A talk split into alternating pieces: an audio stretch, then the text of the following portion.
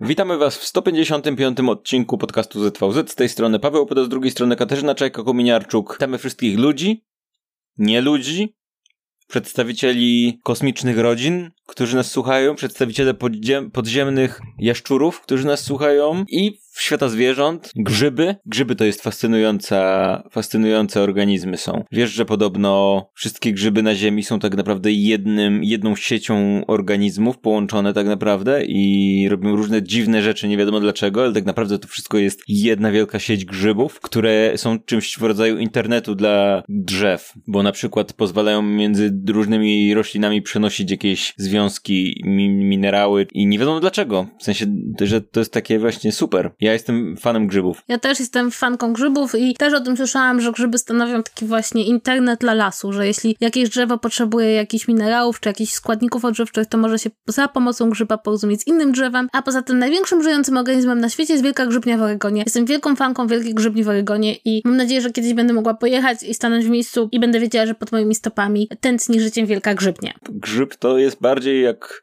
człowiek niż człowiek nawet. No, ale dziś będziemy mówić o trudnym temacie. Ostatnio było trochę lżej i dzisiaj też zaczęliśmy trochę lżej, ale będziemy mówić o temacie top model. Zwykle jak się mówi o top model, to się wydaje, że to jest takie na luzie się będzie mówić, nie? Że wszystko w porządku, że trochę dziwne rzeczy, ale zwykle na luzie, ale teraz będziemy mówić o temacie kontrowersyjnym, ponieważ jeden z uczestników e, finału już zdaje się top model, czyli Dominik De Angelica, nie chce zbaczerować, czyli jak to się mówi, zmasakrować nazwiska. Mam nadzieję, że tego nie zrobiłem ale próbowałem. Został ostatnio usunięty z programu w związku z, z ze skazaniem. To, nie, nie wiem, ty dokładnie znasz tę sprawę, bo ja, ja nie wiem jak, czy to była w końcu, czy było w końcu skazanie, czy oskarżenia, czy jak, jak wyglądała ta sytuacja, czy ty wiesz coś więcej? To znaczy fundacja, która zajmuje się ofiarami przemocy seksualnej poinformowała. Oni twierdzą, że informowali TVN, ale wyszło to w Polsce przez Pudelka, że ów uczestnik znajduje się na liście skazanych. Skazanych, to jest ważne, przestępców seksualnych w Stanach Zjednoczonych. Jest to e, lista, która jest dostępna dla mieszkańców Stanów Zjednoczonych, nie jest dostępna z Polski. I o co chodzi? Że rzeczywiście tam nie było takiego procesu, jak, że, że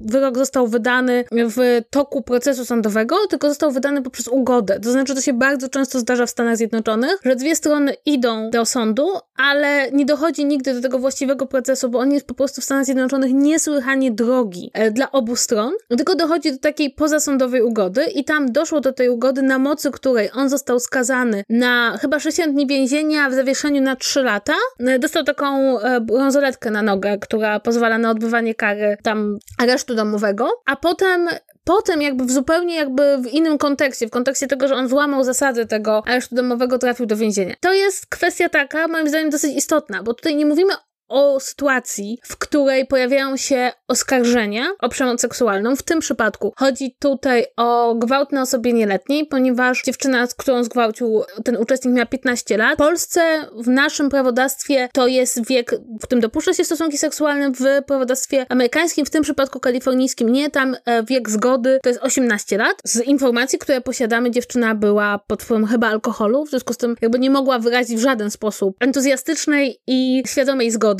już pomijając kwestie prawne. No i on jest skazany. To nie jest tak, że to jest tylko pomówienie. To, ta sprawa trafiła do sądu i została rozsądzona przez ugodę. Takich ugód w sądach amerykańskich jest bardzo dużo. I zresztą to jest główna linia obrony e, rzeczonego uczestnika, który twierdzi, że ponieważ była to ugoda, no to tak naprawdę nigdy nie doszło do procesu i nigdy mu nic nie udowodniono. Ale to jest bardzo ważne, mówimy o wyroku, a nie mówimy o sytuacji, kiedy są po prostu oskarżenia o coś, które nigdy nie trafiają do sądu. Nie, tutaj mamy o krok dalej. To trafiło do sądu, zostało rozsądzone, została ta ugoda zawarta i trafił on do tego rejestru na podstawie którego no po prostu wiemy, e, że ta sytuacja miała miejsce. Nawet ta rodzina dosyła wycinki prasowe, w których była po prostu informacja o tym, że ta sprawa zakończyła się tak, a nie inaczej. Pytam dlatego, że na wirtualnych mediach jest, e, jest zdanie Dominik de Angelika zapewnił, że, nigdy nie, że nie został nigdy za to skazany, a ukarany aresztem został za inną sprawę i to jest całe wyjaśnienie na wirtualnych mediach, dlatego nie wiedziałem w końcu, czy zo- bo, bo dwa zdania wyżej jest napisane, że został. Ale to chodzi o to, że on do aresztu trafił za to, że chyba bodajże ze swoim bratem, on tak twierdzi, jakby nie znam tej sprawy, ale że poszedł pomagać swojej ciotce, tym samym złamał tą zasadę, że tam nie wolno mu się oddalać, bo ma tą brązoletkę i w ten fizycznie trafił do aresztu dopiero potem. Naruszył te zasady tego zwolnienia warunkowego. Nie, no to rozumiem, tylko po prostu, wiesz, wirtu wirtualne media podają jakby dwie wersje, w jednej został skazany, w drugiej nie i nie podają zupełnie kontekstu, dlatego stąd moje pytanie. No ale dobra, mamy mniej więcej wyjaśnioną tę sytuację i wiemy, że producenci programu zareagowali w jakiś sposób, tak? Ponieważ on został usunięty, w sensie nie program, tylko uczestnik i zostało wydane oświadczenie, a wszystkie pieniądze z SMS-ów, które trafiły na tego uczestnika zostały przekazane fundacji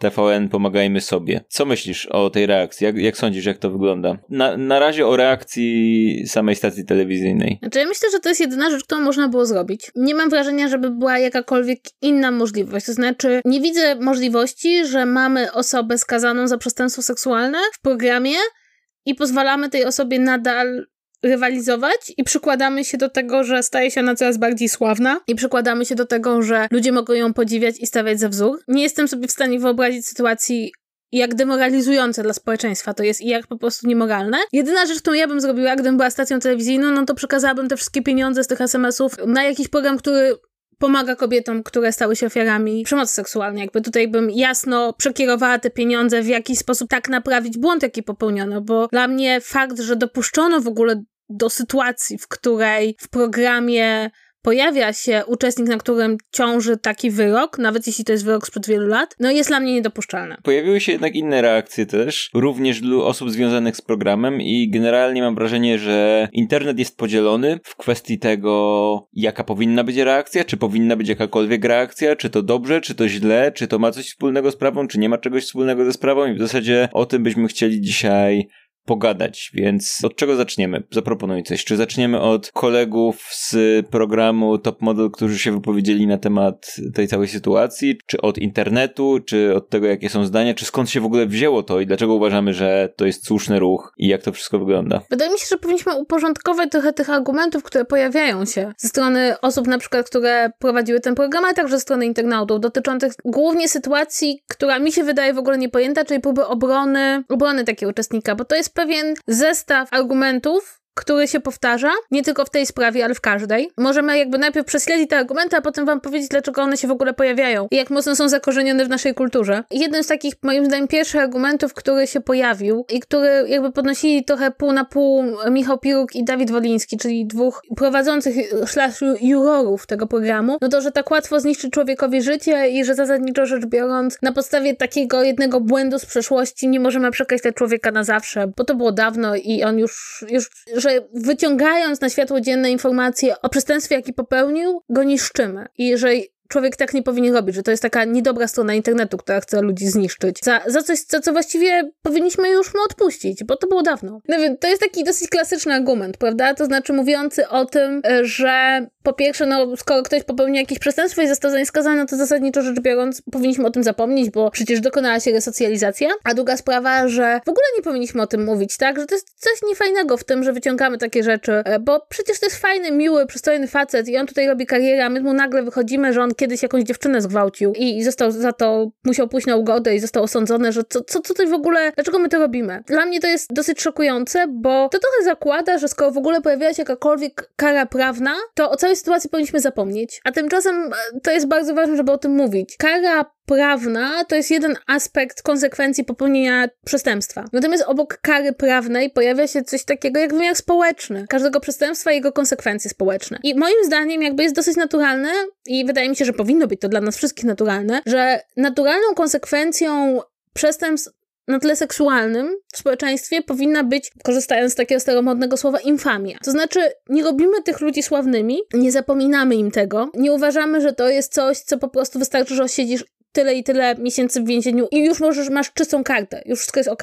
Z wielu powodów. Jednym z głównych powodów jest to, że konsekwencje samego gwałtu ciągną się na ofiarach najczęściej przez całe życie. W związku z tym to nie jest coś, co można w prosty sposób zadośćuczynić. Ale także z drugiej strony, jakby na całym świecie jest bardzo wiele osób, które nie popełniły przestępstw seksualnych, które są przystojne, które dobrze wyglądają na zdjęciach i możemy spokojnie nimi zapełnić kolejne edycje Top Model, kilkanaście czy kilkadziesiąt. Nie ma takiej potrzeby. To jakby to nie jest coś, co musi musimy robić dla tych ludzi, nie musimy czynić sławnymi czy bardziej sławnymi osób, które popełniły takie przestępstwa, to jest konsekwencja gwałtu. I to także, wydaje mi się, jest bardzo ważne, ponieważ ochrona przed gwałtem jest bardzo trudna. To znaczy, możemy ludzi edukować, że należy zawsze pytać o zgodę i nie należy wykorzystywać kobiet i mężczyzn w trudnej sytuacji, czy kobiet i mężczyzn, którzy nie są do końca przytomni i że tego nie należy robić, ale tak naprawdę mamy bardzo mało tych możliwości stawienia jakby oporu gwałtom, które są bardzo powszechne. I jedną z nich jest właśnie świadomość, że konsekwencją gwałtu jest infamia na całe życie. I jeśli nie dajemy takiego sygnału, jeśli mówimy, nie no, zgwałciłeś dziewczynę, spoko, nie no, minęło już 10 lat, już zapomnieliśmy, no to dajmy niesamowicie zły przykład, dajmy niesamowicie zły sygnał dla świata, mówiący, że te konsekwencje społeczne tak naprawdę ci nie dotkną i to jest moim zdaniem e, straszne. To znaczy, nie możemy tutaj zastosować tego mechanizmu. Zresztą, prawdę powiedziawszy, to jest niesamowite, że w przypadku gwałtu podejmujemy e, tą tematykę, bo muszę powiedzieć, że gdybyśmy na przykład mieli człowieka, który został skazany za defraudację, nie wiem, miliona złotych, a potem po kilku latach by się okazało, że zarządza jakimś wielkim funduszem finansowym, no to bardzo dużo osób powiedziało, nie no, słuchajcie, to jest niedobra decyzja, jak mogliście wziąć kogoś, kto kiedyś odsiedział pieniądze za defraudację i kazaliście mu w tym momencie obracać pieniędzmi. I tu tu uznajemy, że jakby kara społeczna istnieje, a kiedy dochodzimy do gwałtu, nagle okazuje się, że tej kary społecznej nie powinniśmy wy wymierzać. Więc dla mnie to jest, to jest dosyć ważny wątek, bo on dosyć dobrze pokazuje, jak inaczej traktuje się gwałt od innych przestępstw, bardzo często w naszym społeczeństwie. A czy uważasz, że osoba, która została skazana za defraudację dużych pieniędzy powinna brać udział w top model? Wiesz co, to jest bardzo ciekawe. Wydaje mi się, że nie, ale gdyby brała, byłaby mniej oburzona. Wydaje mi się, że tutaj istotnym, istotnym aspektem tej dyskusji i odpowiedzią na te argumenty, które podnosi innymi Michał Piruk, czy tamten Woliński i tak dalej, i też sporo ludzi w internecie, to jest to, że musimy pamiętać, że to, że się nie jest sławnym modelem, to nie jest automatycznie zniszczenie komuś życia, tak? To nie chodzi o to, że nagle stwierdzamy, że nie, ten ktoś nie powinien nigdy otrzymać żadnej pracy i być bezdomny do końca życia i po prostu umrzeć gdzieś w rowie, bo, bo to by było zniszczenie komuś takiemu życia, to jest miejsce na dyskusję, tak? A my mówimy o tym, czy ta osoba powinna być w telewizji promowana jako celebryta, jako model, jako wzór do naśladowania dla innych ludzi, dla, jako osoba, która zaczyna zbierać swoich fanów, która zaczyna być, pojawiać się na pierwszych stronach gazet i tak dalej, i tak dalej, tak? Nie mówimy o, nie mówimy o odebraniu jakiegoś, nie wiem, prawa do życia, czy prawa do jakiejkolwiek, jakiejkolwiek godności osobie w takiej sytuacji, tylko mówimy o nieczynieniu jej osobą sławną. I ja nie wiem, może Michał Pieruk jest tak przyzwyczajony do bycia sławnym, że wydaje mu się, że to jest jak woda, że to jest prawo, podstawowe prawo człowieka bycie sławnym. I jak on sobie wyobraża, żeby mu ktoś odebrał jego sławę, to by się czuł jak sprowadzony do do bycia zwierzęciem. Coś tam, whatever. Nie, żeby bycie zwierzęciem było złe. A tutaj mówimy o robieniu kariery, tak? Michał Piruk na przykład y, podnosi takie argumenty, używając takich bardzo wzniosłych słów o, czekaj, ra, cytuję, raz podłożony ogień wywołuje pożar, a ten bezpowrotnie, bezlitośnie trawi wszystko na swojej drodze. Efekt jest nieodwracalny. Blablabla, strącenie ludzi w przepaść, bez mrugnięcia ogień, bez zastanowienia, bez wysłuchania drugiej osoby. Przekreślanie nigdy nikogo, jak długo nie istnieją przesłanki na czyjąś niewinność. Ludzi bez pieniędzy, bla, bla, łatwo skazać, na pewno nikt inny nie wypuszcza puszczy z powrotem do wolność, bla, bla, bla, bla. Więc tu, tutaj są dwie rzeczy. Po pierwsze, używanie takiego bardzo wzniosłego tonu, tak jakby mowa było o naprawdę jakichś podstawowych prawach człowieka tej osoby, a nie o prawie do bycia celebrytą. A po drugie, i to jest kolejna, wydaje mi się, niebezpieczna rzecz, jest takie stwierdzenie, że no, w sumie to jak była ugoda, a on nie miał pieniędzy, no to możemy założyć, że w zasadzie to nie ma pewności, że on jest winien, czy nie jest winien. Kurczę. Prawda jest taka, że ma, mamy życie takie i taki system zrobiony świata, że musimy założyć, że jeżeli ktoś zostaje za coś skazany, to znaczy, że jest winien i musi ponieść konsekwencje tego, tak? Oczywiście tu jest taka sytuacja, że jest ta ugoda, ja nie wiem do końca jak działa ten system prawny i na ile możemy tam pewne rzeczy zrobić, ale kurczę, tak się umówiliśmy, tak działa świat, nie? I często jest tak, że pojawiają się sytuacje, w których pojawia się jakiś wyrok sądowy i sąd od tego jest, tak, żeby wydawać te wyroki, a ludzie mimo to stwierdzają, że może jednak nie, może, może to nie ma pewności. Ja nie wiem, czy ten sąd to dobrze stwierdził, więc ja będę, ja nie, ja odmawiam przyjmowania konsekwencji. Uważam, że nie powinny nastąpić pewne konsekwencje, dlatego że no ja nie mam pewności, czy to się zdarzyło. Ostatnio mamy podobną sprawę nieco w kwestii konsekwencji swoich czynów i jest to sprawa Johnego Deppa, który stracił rolę w Fantastycznych Zwierzętach. Strasznie zły film, pierwszy a drugi podobno jeszcze gorszy nie widziałem. W związku z tym, że przegrał proces o zniesławienie z The Sun bodajże, które to The Sun napisało, nazwało go wife beater bodajże, czyli człowiek, który bije swoją żonę, tak? I on pozwolił o zniesławienie, sąd y, po procesie udowodnił, że, znaczy y, orzekł, że no można go tak nazywać. To nie jest zniesławienie, to nie jest nieprawda, tak? Co sprawiło, że jakby legalnie można nazywać w ten sposób Johnny'ego Deppa, a to sprawiło, że Warner podziękował mu za udział w kolejnym filmie, dając mu całą garzę mimo to i tak dalej, nie? No i oczywiście pojawiły się argumenty, mimo że jakby to odejście było bardzo dla niego korzystne w kwestii finansowej, no ale wiadomo, wizerunkowo słabo. No i oczywiście pojawiły się argumenty ludzi, którzy uważają, że oni wiedzą lepiej. I oczywiście ja wiem, sprawa z um, Amber Heard jest bardzo kontrowersyjna, bo to jest dwoje pojebanych ludzi, którzy nie powinni nigdy na siebie trafić w życiu i prawdopodobnie są siebie warci, co nie zmienia faktu, że takie są fakty i taki jest wyrok i takie są konsekwencje, a tu nagle się okazuje, że ludzie w internecie, wiesz, my lubimy Depa, więc będziemy teraz uważać, że to nie jest prawda, albo że ten sąd źle zrobił, że ja w internecie to w komentarzach wiem lepiej i generalnie jak tak można zniszczyć człowieka. I tutaj są takie dziwne sytuacje, w których jakieś sympatie do kogoś prywatne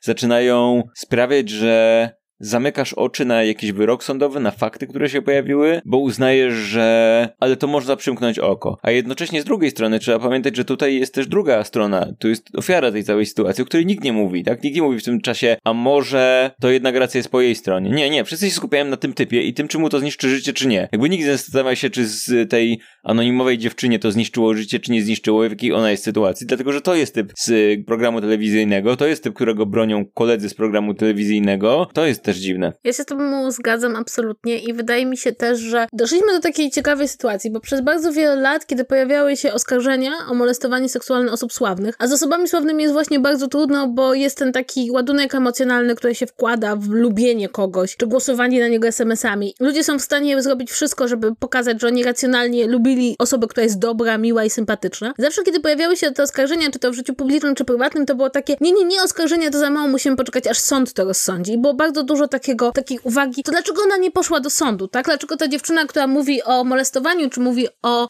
gwałcie, czy nadużyciach seksualnych, nie poszła do sądu. Teraz mamy sytuację, w której mamy wyrok sądowy, dlatego, że nawet jeśli to była ugoda, czyli innymi słowy, dwie strony porozumiały się między sobą, ale to nie znaczy, że wyroku nie było, to ludzi to też jakby nie satysfakcjonuje. Sam ten Dominik sugeruje, że no, byli chorzy, przysięgli, czy ławnicy, w związku z tym nie doszło do, e, nie doszło do procesu. I dla mnie to jest taki moment, w którym musimy sobie zadać pytanie, i co właściwie ma zrobić zgwałcona dziewczyna wedle tych ludzi? Bo jeśli pójdzie do sądu i pojawi się wyrok, to to jest za mało. Jeśli nie pójdzie do sądu, to dlaczego nie poszła do sądu? I też, kiedy patrzę na pewne argumenty dotyczące tego, że to właściwie nie było przestępstwo, bo przed dziewczyna mogła sama chcieć, albo przecież to jest właściwie tylko ten tak zwany statutory rape, czyli w Stanach Zjednoczonych seks z osobami e, przed wiekiem zgody jest traktowany jako gwałt. Po prostu zakłada się, że taka osoba, jeśli jest więcej niż 3 lata różnicy, nie mogła podjąć świadomej decyzji. I to jest takie na zasadzie, nie, no to po prostu jakaś piętnastolatka, przespała się z nim, może była pijana, że, że właściwie to na pewno go oskarżyła bez powodu. I nagle natychmiast właściwie ten taki nasza kierownica współczucia, zrozumienia skręca w kierunku tej dziewczyny, która właściwie nie miała, w tej sytuacji właściwie musiałaby mieć nas,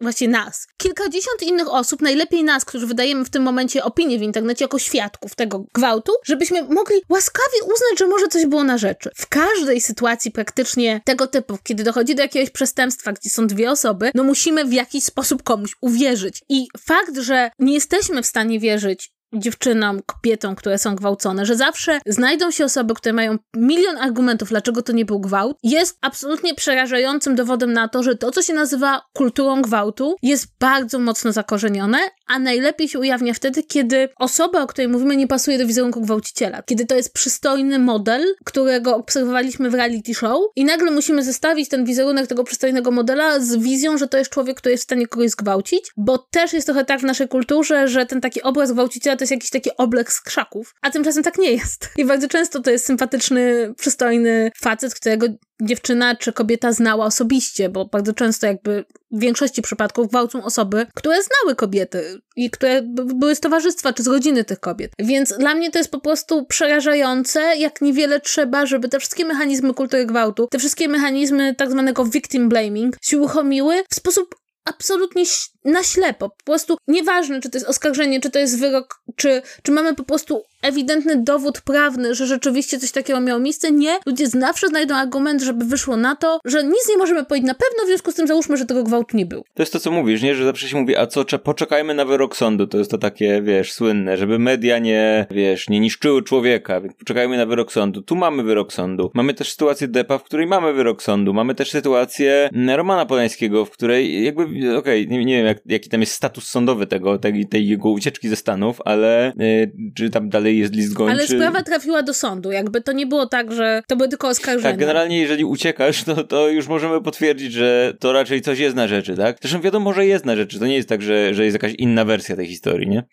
To znaczy nie, no jakby nawet Roman Polański nie zaprzecza, że to się wydarzyło. No tak, tak, właśnie o tym mówię. Natomiast e, właśnie to, co mówisz a propos tej ucieczki, tak? Dla ludzi, którzy tak strasznie bronią tego modela, dla mnie to jest jedna z najbardziej podejrzanych rzeczy, że nikt o tym nie wiedział i nagle dowiedział się o tym tuż przed finałem w Polsce, czyli w zupełnie innym kraju, bo dla mnie to jest takie ewidentne, wiem, że zrobiłem coś złego i nikomu o tym nie powiem i z nikim o tym nie porozmawiam, nikt o tym nie będzie wiedział, może się nikt nie dowie. Będę ukrywać ten fakt ze swojego życia. I tak nie robią ludzie, którzy, którzy są niewinni i są ofiarami, tylko tak robią ludzie, którzy zdają sobie sprawę, że mają straszny brud w swoim życiu i próbują go ukryć. Ale, ale zobacz, zobacz, co tutaj się łączy. We wszystkich tych sprawach, które wymieniam i o których mowa, cała ta kontrowersja wokół tej dyskusji, tego, że jedni uważają tak, drudzy uważają się jak, już nie wspominam nawet o tym, czy to jest mądre, czy nie, bo uważam, że generalnie sprawa Romana Polańskiego i zwłaszcza sprawa artystów, reżyserów i tak dalej, którzy go bronią nagle teraz i już mu zapomnijmy, bo to wielki artysta, wielki Polak, więc generalnie spokojnie, to, to olejmy temat. Pomijając to wszystko, no to zwróć uwagę, że to wiąże się wszystko właśnie z tym, że mówimy o osobach znanych, o celebrytach, tak? O osobach, o których można powiedzieć, no niby coś tam było, ale to przecież wielki reżyser, wielki aktor i no nikt tak nie zagra tego tam jakiegoś Grandelbolda. Już tak dobrze to nie będzie, nikt tak nie zrobi ten, to nie, to może troszkę, a tu już patrz jaki taki fajny, miły model, zobacz, tu Piruk go lubi, więc spoko, nie? I może to jest też podpowiedź taka, że to może faktycznie ten powinno się trzymać tych ludzi mimo wszystko z dala od świata celebrytów i nie robienia z nich celebrytów, bo, bo jakby tu jest ta kontrowersja, tak? Gdyby to nie jest tak, że on poszedł pracować w McDonaldzie i z McDonalda go wyrzucili z tego powodu, bo coś tam, no bo wtedy to byłoby faktycznie okej, okay. no czy typ już teraz nie może nigdzie pracować? Nie, no mówimy o, o byciu sławną osobą, która, która generalnie wiąże się z tym, że zaczynasz mieć wokół siebie ludzi, którzy na ciebie patrzą jako na wzór. I to się zdarza niezależnie od skali tak naprawdę. Czy masz dużo obserwujących na Instagramie, czy jesteś modelem, czy jesteś aktorem, czy jesteś muzykiem, reżyserem, kimkolwiek, zawsze zaczynasz wokół siebie zbierać mniejsze albo większe grono ludzi, którzy na ciebie patrzą jak na wzór, kogoś, kogo podziwiają w jakiś sposób, kogoś, kogo słuchają niezależnie tak naprawdę od tematu. To nie jest tak, że to jest tylko powód, że nie, nie dopuszczamy do tego, nie chcemy dopuścić do sytuacji, w której ta osoba jest wzorem do naśladowania, ale też w drugą stronę. Sytuacja, w której ta osoba zaczyna być wzorem do, do naśladowania, jest sytuacją, która wywołuje takie dyskusje jak teraz, gdzie nagle, nagle ludzie mówią, no okej, okay, no była taka sytuacja, ale hej, on jest moim idolem, to może jednak nie. I stąd wydaje mi się, że logiczne i rozsądne jest trzymanie mimo wszystko tych osób z dala od świata celebrytów i tyle, po prostu danie im jakby wilczego biletu, tak się mówi. W każdym razie biletu, że nie, że nie, dziękujemy, okej, okay, możesz sobie pracować w Macu, możesz robić tysiąc różnych rzeczy, naprawdę, niekoniecznie musisz się zajmować akurat czymś takim. I to wydaje mi się, że ma związek z tym pytaniem, które ci dałem wcześniej, czy osoba, która zdefraudowała pieniądze byłaby, mogłaby zostać modelem, nie? I powiedziałeś, że to byłoby mniej kontrowersyjne, bo wydaje mi się, że to mimo wszystko jest kwestia trochę związana z kategorią, w jakiej się występuje. Zakładam, że osoba, która zdefraudowała pieniądze, przede wszystkim nie mogłaby być nie mogłaby potem zajmować się publicznymi pieniędzmi, tak? Tak samo jak osoba, która jest skazana za przestępstwa wo wobec dzieci, nie może pracować potem z dziećmi. A osoba, która jest takim ogólnie pojętym celebrytą, zaczyna być traktowana w, jako w jakiś wzór moralny. Może, może nie jako wzór moralny, ale chodzi mi o to, że staje się idolem, tak? Jakby wzorem dla ludzi. Osoba, która pracuje w finansach, raczej nie staje się idolem dla ludzi. To nie jest tak, że ludzie uwielbiają jego robotę finansową, fin fi jak finansisty i staje się idolem, tak? Więc wydaje mi się, że tu jest to takie połączenie, że z jednej strony jesteś idolem, z drugiej strony masz na sumieniu coś związanego bezpośrednio z, wiesz, ze społecznymi sprawami i konsekwencjami społecznymi twojego czynu. I stąd wydaje mi się, tutaj jest to powiązanie. Pomiędzy światem celebrytów a przestępstwami seksualnymi, nie? Ja mam też takie wrażenie, że to dosyć dobrze pokazuje taki demoralizujący wpływ tego, co się dzieje, kiedy ludzie, którzy właśnie mają na swoim koncie tego typu zachowania, stają się sławni, bo to co mówisz, stają się idolami, ale też kiedy w przestrzeni publicznej pojawia się właśnie bardzo dużo takich głosów napędzanych sympatią, bo przecież dlatego te głosy się podnoszą, które usprawiedliwiają przestępstwa seksualne, to to wpływa na całe społeczeństwo, bo to nie wpływa tylko na tą jedną sytuację. Te argumenty zaczynają krążyć, te argumenty, to, że możesz podważać w ogóle wyrok sądu w tej materii, osadza się w głowach. I kiedy potem sobie zadajemy pytanie, dlaczego chociażby nie ruszają ludzi przestępstwa seksualne w kościele katolickim, kiedy dowiadujemy się, wiemy, że one miały miejsce, tak? Dowiadujemy się o wykorzystywaniu, no, dzieci i ludzie znajdują milion argumentów, że przecież tego nie było, że to są księża, więc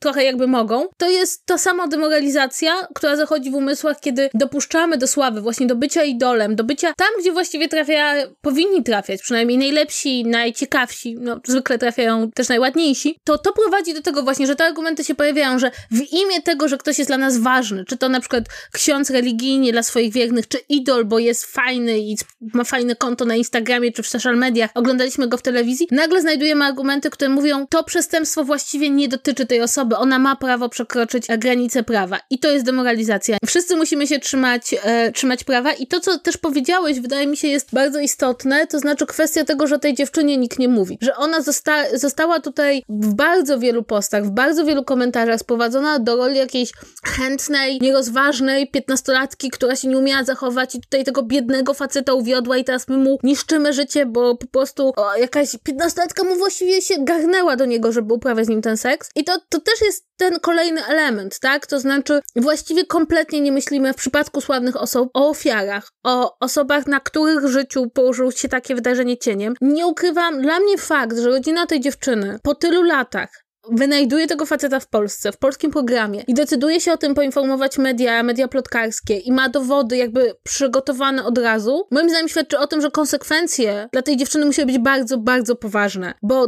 to wymaga olbrzymiej determinacji, żeby jednak nie dać o tym zapomnieć, żeby to się nie rozpłynęło. Jeśli się nad tym zastanowimy, no to znowu to jest to samo, cała uwaga idzie na sprawcę, który na tą uwagę nie zasługuje. I, i fakt, że w ogóle są jakieś SMS-y wysyłane na niego, że jacyś ludzie płacą swoje pieniądze, żeby on się stał sławniejszy, co więcej, on ich oszukał, ponieważ oni nie wiedzieli, że płacą na osobę, która ma na swoim koncie gwałt. To dla mnie jest po prostu tak demoralizujące i uważam, że ponownie mnóstwo rozmawiamy o Polańskim, a o jego ofierze dużo mniej. Bardzo często jest tak, że właśnie pojawiają się te oskarżenia dotyczące molestowania seksualnego, pojawiają się wyroki i wszyscy się skupiają na tym, co ten biedny aktor, co ten biedny celebryta będzie robił. Po pierwsze jest bardzo, jak sam mówiłeś, jest bardzo dużo zawodów, a po drugie, to nie jest tak, ktoś został przymuszony do zgwałcenia kogokolwiek. Jeśli podejmujesz decyzję, że wymusisz na kimś stosunek seksualny, to musisz w tym momencie wiedzieć, że to się będzie za tobą ciągnęło całe życie, ponieważ jest to jedna z bardziej ohydnych rzeczy, jaką można zrobić. Podobnie jest trochę tak, jak kogoś zamordujesz.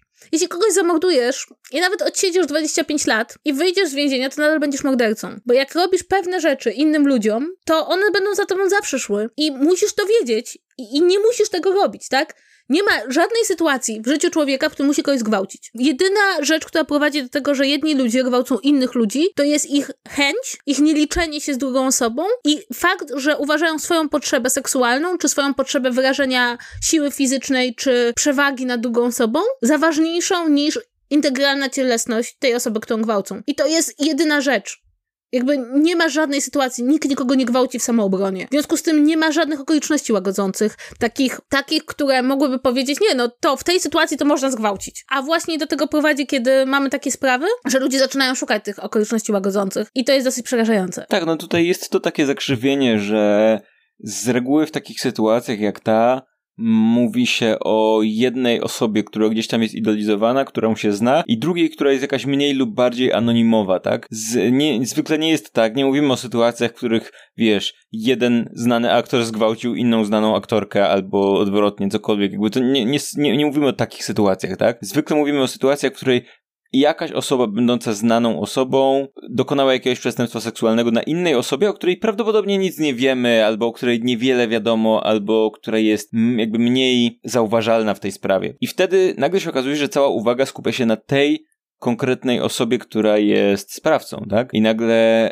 nagle zaczynamy dyskutować o tym, czy ta osoba to zrobiła, czy ta osoba zasługuje, czy jesteśmy pewni, że ta osoba to zrobiła, a co jeżeli sąd skazał tę osobę dlatego, że ona jest znana i ich nie lubił, nie lubił ich filmów, czy cokolwiek, czy, czy są dowody, czy ta ugoda to była na pewno, czy nie ma, czy był sąd, czy coś tam. I nagle się okazuje, że ta osoba, która jest ofiarą, ginie w tym wszystkim, jakby jest kompletnie gdzieś z tyłu, tak? Kurczę, to jest naprawdę ciężka, ciężki i dziwny temat, w którym nagle się okazuje, że skupiamy się tylko i wyłącznie na jednej stronie. Nadal próbujemy rozsądzić, kto jest ofiarą, a kto jest przestępcą, ale w ramach tej jednej osoby, tak. Tylko, tylko czy ona pewnie to zrobił, czy może jednak to on jest ofiarą w tym wszystkim? Jakby nikt nie zastanawia się nad drugą stroną, nikt nie słucha drugiej strony. Jakby, no, jak jest że ta druga strona jest, że, że, że specjalnie to zrobiła, wiedząc, że on będzie próbował za ileś tam lat zrobić karierę w modelingu i chciała go zniszczyć, jakby to co chodzi. Więc, kurczę, to jest naprawdę dziwna sytuacja, która jakby mam wrażenie, że jest ekskluzywna dla świata celebrytów, tak? Że jakby w innych sytuacjach nie myśli się o tym w ten sposób, a tutaj jest to takie zakrzywienie, że osoba, która jest celebrytą,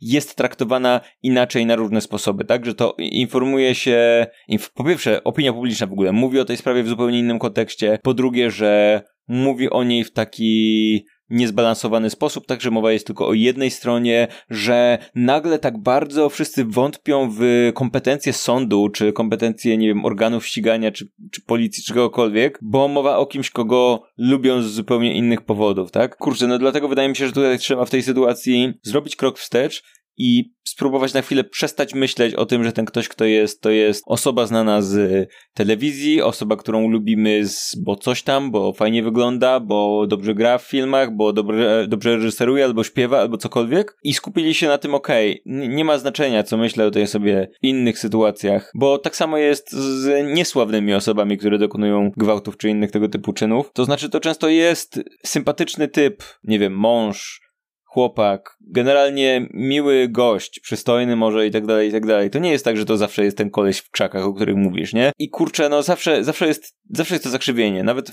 zakładam, że w mikroskali, w której znasz taką osobę i nagle się dowiadujesz czegoś takiego, no to też zaczynasz wątpić. A w przypadku, w którym mówimy o celebrytach, to musimy jeszcze pamiętać, że ta skala jest większa niż na przykład w przypadku prywatnej osoby. Tak, mamy prywatną osobę, która jest oskarżona o coś takiego, ma grono znajomych i tego grono znajomych nie, on nigdy by czegoś takiego nie zrobił, to jest fajny gość. A w przypadku celebrytów to grono jest z jednej strony większe, ale z drugiej znajomość mniejsza.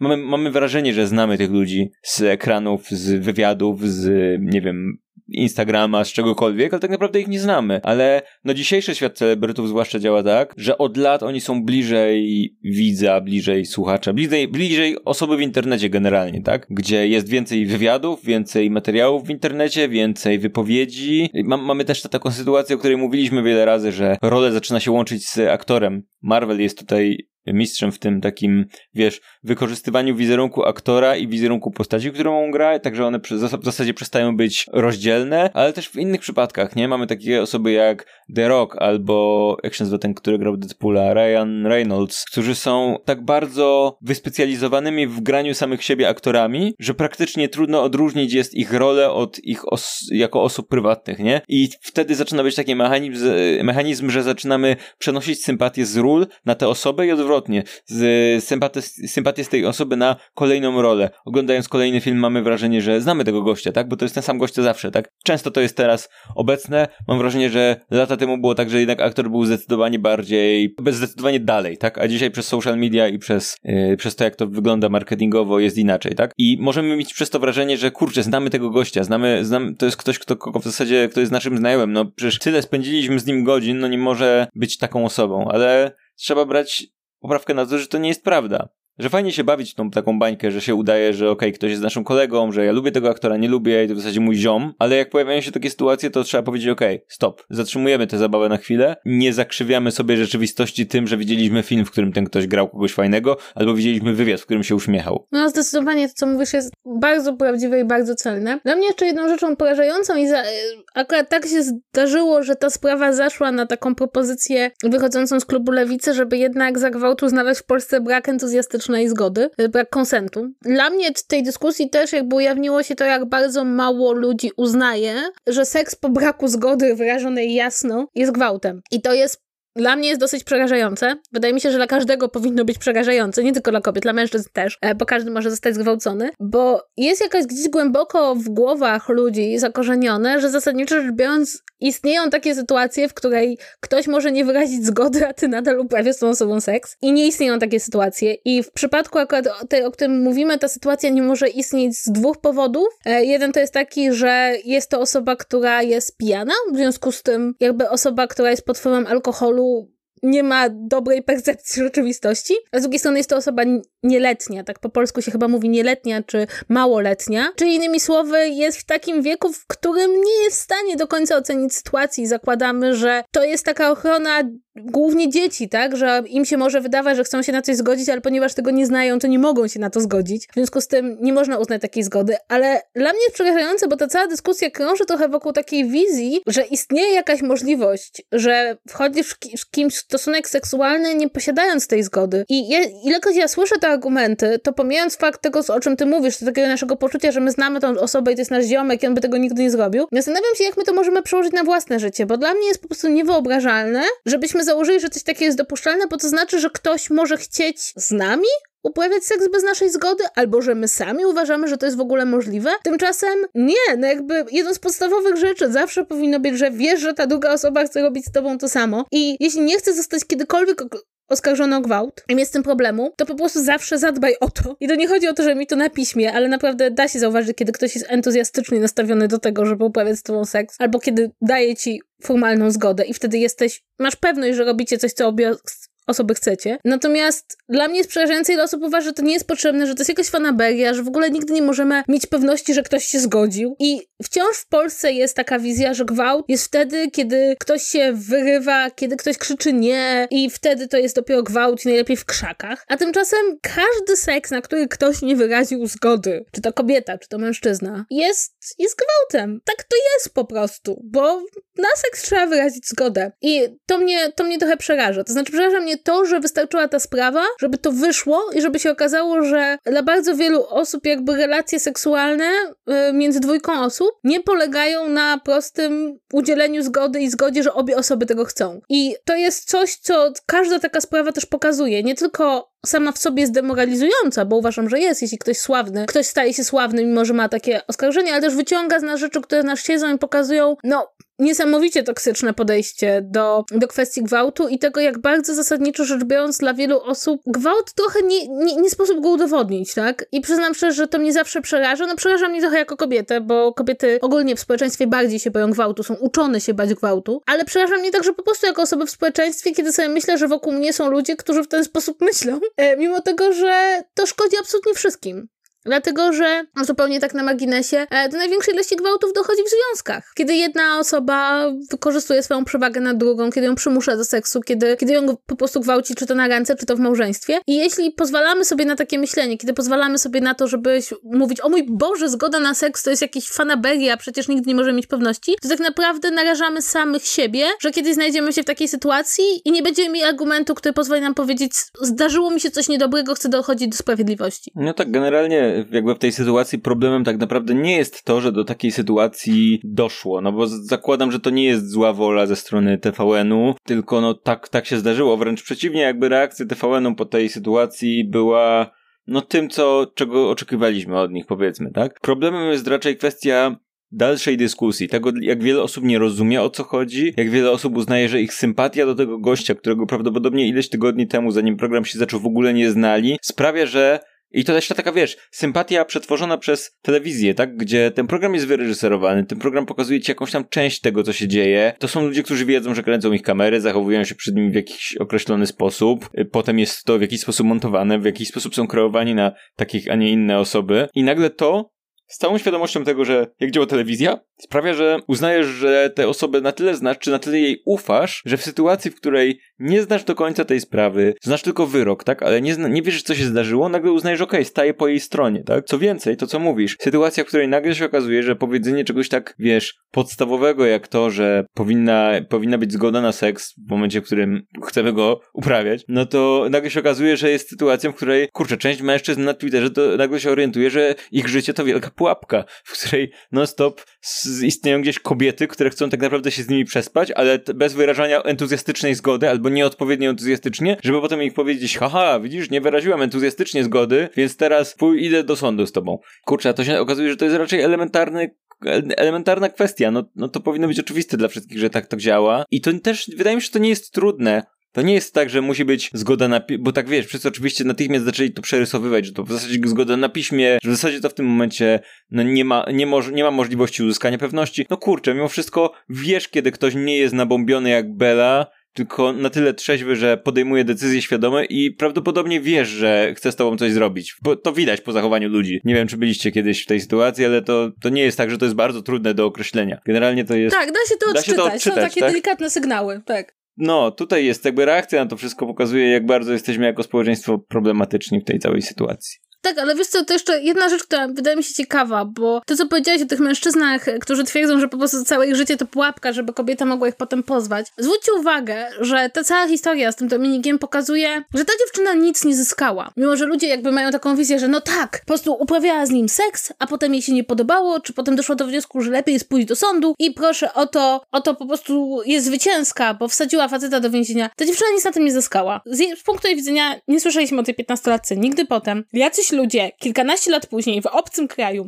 uważają ją za no, dziewczyny lekkich obyczajów, mają o niej jak najgorsze zdanie. Facet, który ją zgwałcił, jest bohaterem reality show i ma szansę wygrać to reality show i znajduje się cały legion fanek i fanów, którzy będą go bronić. I to jest doskonały przykład na to, że nie ma takiej rzeczywistości, w którym zgłoszenie gwałtu czyni cię zwycięską i robi ci karierę. Ja autentycznie próbowałam znaleźć jakąkolwiek przykład kobiety, dla której gwałt, zgłoszenie gwałtu było początkiem kariery. I nie znalazłam. Znalazłam mnóstwo kobiet, dla których to był koniec kariery. Znalazłam bardzo wiele przykładów mężczyzn, dla których to był powód, dla którego niektórzy ludzie ich bardziej lubili, albo dużo się o nich mówiło, ale nie złamało im to kariery. Nie znalazłam żadnego przykładu kobiety, która zostałaby zgwałcona, poszłaby z tym do sądu, zapadłby wyrok i potem ona by zrobiła karierę na, na podstawie tego. Po prostu to jest ta wizja rzeczywistości, której za cholerę nie da się potwierdzić. Ale wciąż przy każdej takiej dyskusji pojawia się, bo ona to pewnie zrobiła, że mieć z tego jakąś korzyść. Jaką korzyść miała tamta piętnastolatka? Nie mam pojęcia, bo na razie jedyną osobą, którą widzę, która życiowo ma jakiekolwiek korzyści, jest ten model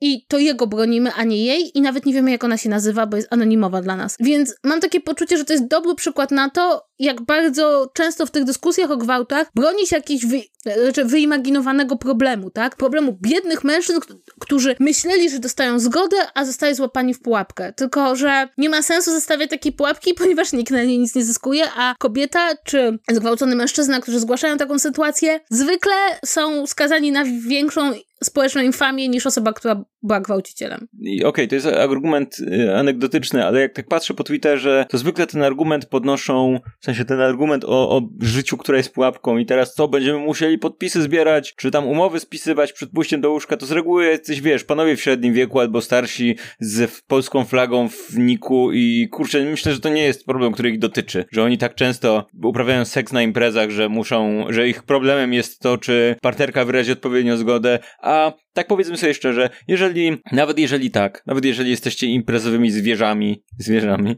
i regularnie gdzieś tam yy, wychodzicie z tej imprezy z kolejną dziewczyną, to kurczę, jak ten raz, jeden czy drugi, ona nie wyrazi entuzjastycznej zgody, tylko zaśnie na fotelu, to przykryjcie ją kocem i po prostu wypuśćcie rano z kawą i naprawdę nic wam nie zaszkodzi. To nie jest tak, że musicie za każdym razem z tej imprezy wracać w ten sposób. Lepiej, jeżeli to sprawi, jeżeli konsekwencją tego wszystkiego, czy wprowadzenia takiego prawa ewentualnego i tak dalej, będzie to, że faceci będą bardziej ostrożni i czasem poświęcą się, poświęcą swoje dobro i nie będą uprawiać seksu, bo nie będą pewni, to lepiej generalnie. Jakby nie, z, żadna zła, wielka szkoda was nie spotka, a będzie, zmniejszy się ryzyko, że kogoś innego spotka jeszcze większa szkoda, więc naprawdę to nie jest jakaś tragedia życiowa że jak nie jesteście pewni, to powiecie, okej, okay, to może lepiej nie. Tak, to nie jest tak, że jest jakaś skończona ilość stosunków seksualnych, jaką można mieć w życiu, jak nie wykorzystasz, to już po prostu przypadło. Można, można poczekać, zgadzam się z tobą. Zgadzam się z tobą, że rzeczywiście istnieje drobna pozytywna konsekwencja tego wszystkiego, że może uda się przepchnąć różnymi drogami, powtarzaniem w kółko i w kółko, bo przy to, co my teraz mówimy, nie jest absolutnie żadną nowością. Jest rzeczą, którą myśmy nawet chyba w tym podcaście już kiedyś mówili, próbowaliśmy podnosić te tematy i nigdy dosyć mówienia o tym, że te mechanizmy, które się ujawniają w takiej sytuacji są toksyczne, że podstawą stosunków między ludźmi, jeśli chodzi o sferę seksualną, musi być zgoda i to zgoda świadoma i entuzjastyczna, że mechanizm victim blaming jest bardzo mocno w nas wszystkich zakorzeniony i jest taki bardzo kuszący, prawda, żeby sprawdzić, czy przypadkiem ofiara nie była winna, ale jest bardzo często prowadzący do bardzo mrocznych sytuacji, bardzo mrocznych zakamarków duszy, że osoba sławna nie jest ponad prawem. Wręcz przeciwnie, ponieważ, tak jak Paweł słusznie zauważył, stanie się idolem i wzorem, to musimy wobec niej stosować mocniejsze rygory i musimy stawiać większe wymagania, dlatego że na tej osobie będą się inni wzorować. I jeśli powiedzmy, taki Dominik wygrałby top model i wtedy i, i zyskałby mnóstwo młodych chłopaków, patrzyłoby na niego myśląc, też chce zostać modelem i wszyscy byśmy wiedzieli, że ma na koncie gwałt, to byłby to taki straszliwie toksyczny sygnał, że zasadniczo rzecz biorąc, możesz być idolem, możesz kogoś gwałcić, może ci się to zdarzyć, społeczeństwo ci wybaczy, to spoko, idź dalej. I też jakby a propos wybaczenia, to wydaje mi się, że to nie my mamy wybaczać. Jedyną osobą, która może zaoferować wybaczenie, jest osobą, którą to spotkało, czyli ta zgwałcona dziewczyna. Jeśli ona uznałaby po latach, że chce wybaczyć tej osobie, to ona może personalnie to zrobić, bo to jej stała się krzywda, to ona została skrzywdzona i nawet wtedy my nie musimy podążać jej, jej drogą, bo na przykład dziewczyna zgwałcona przez Polańskiego mu wybaczyła, ale to nie znaczy, że musimy to zapominać Polańskiemu. Ale ogólnie wybaczenie stoi po jej stronie, to jest decyzja tej dziewczyny. Jeśli rodzina tej dziewczyny wciąż uważa, że nie ma skruchy ze strony Dominika, tak? E, jeśli nadal uważa, że to jest ważne, żeby poinformować o tym cały świat, to znaczy zdecydowanie tam nie ma mowy o żadnym wybaczeniu, tam jest mowa o krzywdzie i traumie i nie możemy wybaczyć przed tą osobą, bo, bo to nie od nas zależy. Mhm. Dobra, y, wydaje mi się, że to jest koniec kwestii tego tematu, więc chciałbym zmienić temat. A propos znanych osób występujących w miejscach, w których nie powinny. Nie wiem, czy widziałaś wywiad z Edytą Górniak w Polsacie.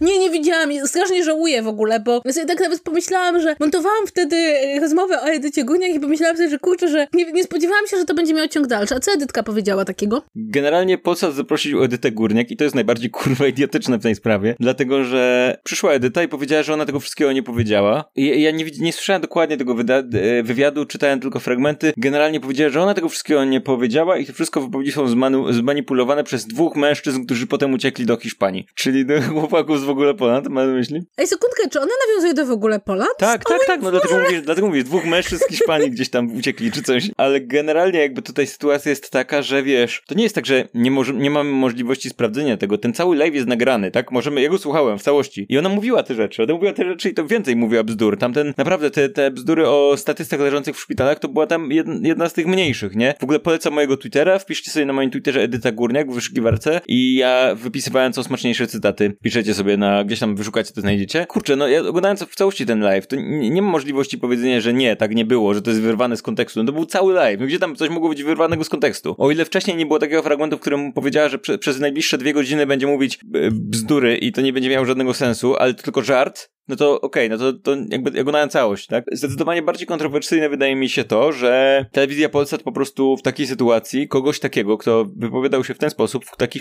szkodliwy sposób w tych czasach, po prostu zaprasza do wywiadu, daje jej pole na to, żeby powiedziała, że nie, wcale tak nie było, że to wszystko oszustwo jedno, nie weryfikuje tego w żaden sposób, to nie jest tak, że mamy rozmowę z dziennikarzem, który widział tego live'a i nie wiem, i mówi okej, okay, ale tak i tak pani powiedziała, jak się pani do tego odniesie. Nie, to po prostu daje jej się tubę w tym momencie do powiedzenia, że nie, wcale tak nie było, to bzdura i w ogóle nagle wycofanie się z tych słów, takiego, no, takiego nie wycofanie się w sensie, że nie wiem, byłam pijana, wziąłem kwas, i nie wiedziałem, co mówię. Nie, to takie wycofanie się, że wcale tak nie było. To nie tak powiedziałem. To ktoś mi tutaj y, zmanipulował, nie? Kurczę, naprawdę słabo ze strony Polsatu. Uważam, że bardzo słabo ze strony Polsatu dawanie miejsca na taką wypowiedź. Zresztą pojawiły się też komentarze w internecie, że zapraszanie, zapraszanie takiej osoby i dawanie jej pola do tego, żeby wycofała się nagle ze swoich wypowiedzi, które są tak szkodliwe, jest niefajne. Tak, znaczy ja uważam, że w ogóle jeżeli w jakiejś alternatywnej wersji rzeczywistości, już pomijam, że TVP zaprasza Neymana jako specjalistę od spraw międzynarodowych, prawda, to już jest kosmiczne. Natomiast w tym przypadku rzeczywiście mamy sytuację, w której no, nie mówimy o jakichś jej prywatnych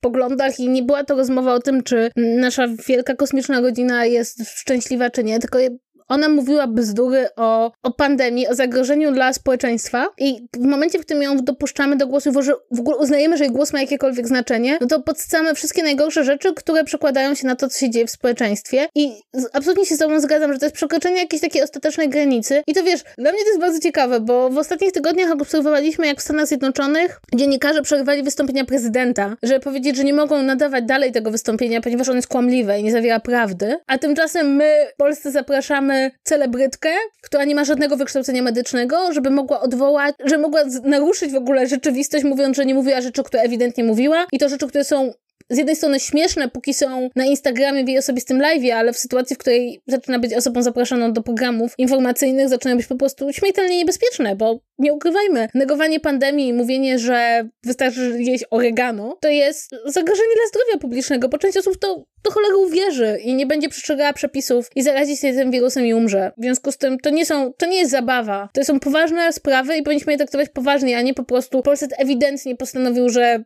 każdy, kto istnieje, może się pojawić w Polsacie i, i w związku z tym etyka dziennikarska w ogóle nie istnieje. Tak, zwłaszcza, że wiesz, ewidentnie Polsat w tej sytuacji po prostu korzysta z tego, że się o tym mówi, tak? Więc skoro się o tym mówi i to jest w ogóle, o, Edyta Górniak stała się memem po tym live, no to zaprośmy ją, tak? I to, to jest dziwne, bo już jakby wiesz, zaproszenie Edyty Górniak do tego, żeby się wypowiedziała o samym koronawirusie wcześniej, to już by było głupie, bo dlaczego Edyta Górniak ma być ekspertem? A jak już zaprasza się ją po tym, jak już się wypowiedziała prywatnie, mówiąc bzdury, to jakby już jest w tym momencie, wiesz, zapraszanie osoby, o której się wie, że w tym temacie mówi się rzeczy szkodliwe po to, żeby mogła powiedzieć więcej szkodliwych rzeczy u nas w telewizji, no to jest dla mnie straszna wtopa Polsatu i bardzo chujowo. Więc słabo. Z całą sympatią dla wszystkich reptilian i kosmicznych przyjaciół, no to jednak Edyta Górniak, no nie, po prostu nie. Kończymy chyba, bo nam się zbliża powoli godzina tego odcinka. Dzisiaj trudny temat, ale na koniec dowaliliśmy trochę Edyty Górniak. To zawsze jakaś taka osłoda która, na. Jak oregano, tego... zawsze poprawia smak. tak. No, słuchajcie, no to bardzo mamy nadzieję, że mam nadzieję, że uda nam się znaleźć jeszcze w 2020 roku jakiś sympatyczny temat, bo ostatnio nam słabo wychodzi. I co? I co jeszcze musicie do nas zrobić? E, subskrybujcie nas na YouTubie, gdzie mamy premiery ostatnio mniej regularnie, dlatego że poprzedni odcinek się trochę spóźnił, ale mamy nadzieję, że teraz już będą bardziej regularnie, więc zapraszamy na nasz kanał zwvz.pl YouTube. Jak tam subskrybujecie, to możecie wpadać na premiery z czatem na żywo i tam jest miło i sympatycznie. E, no a poza tym oczywiście subskrybujcie nasz podcast gdziekolwiek yy, macie ochotę, na przykład na Spotify albo, albo w aplikacjach podcastowych, niezależnie z jakiej korzystacie. No i piszcie do nas, co uważacie o tematach, które poruszamy i yy, możecie też podrzucać nowe na kontakt małpa Tyle od nas dziś w tym tygodniu i do usłyszenia w kolejnym. Żegnajcie!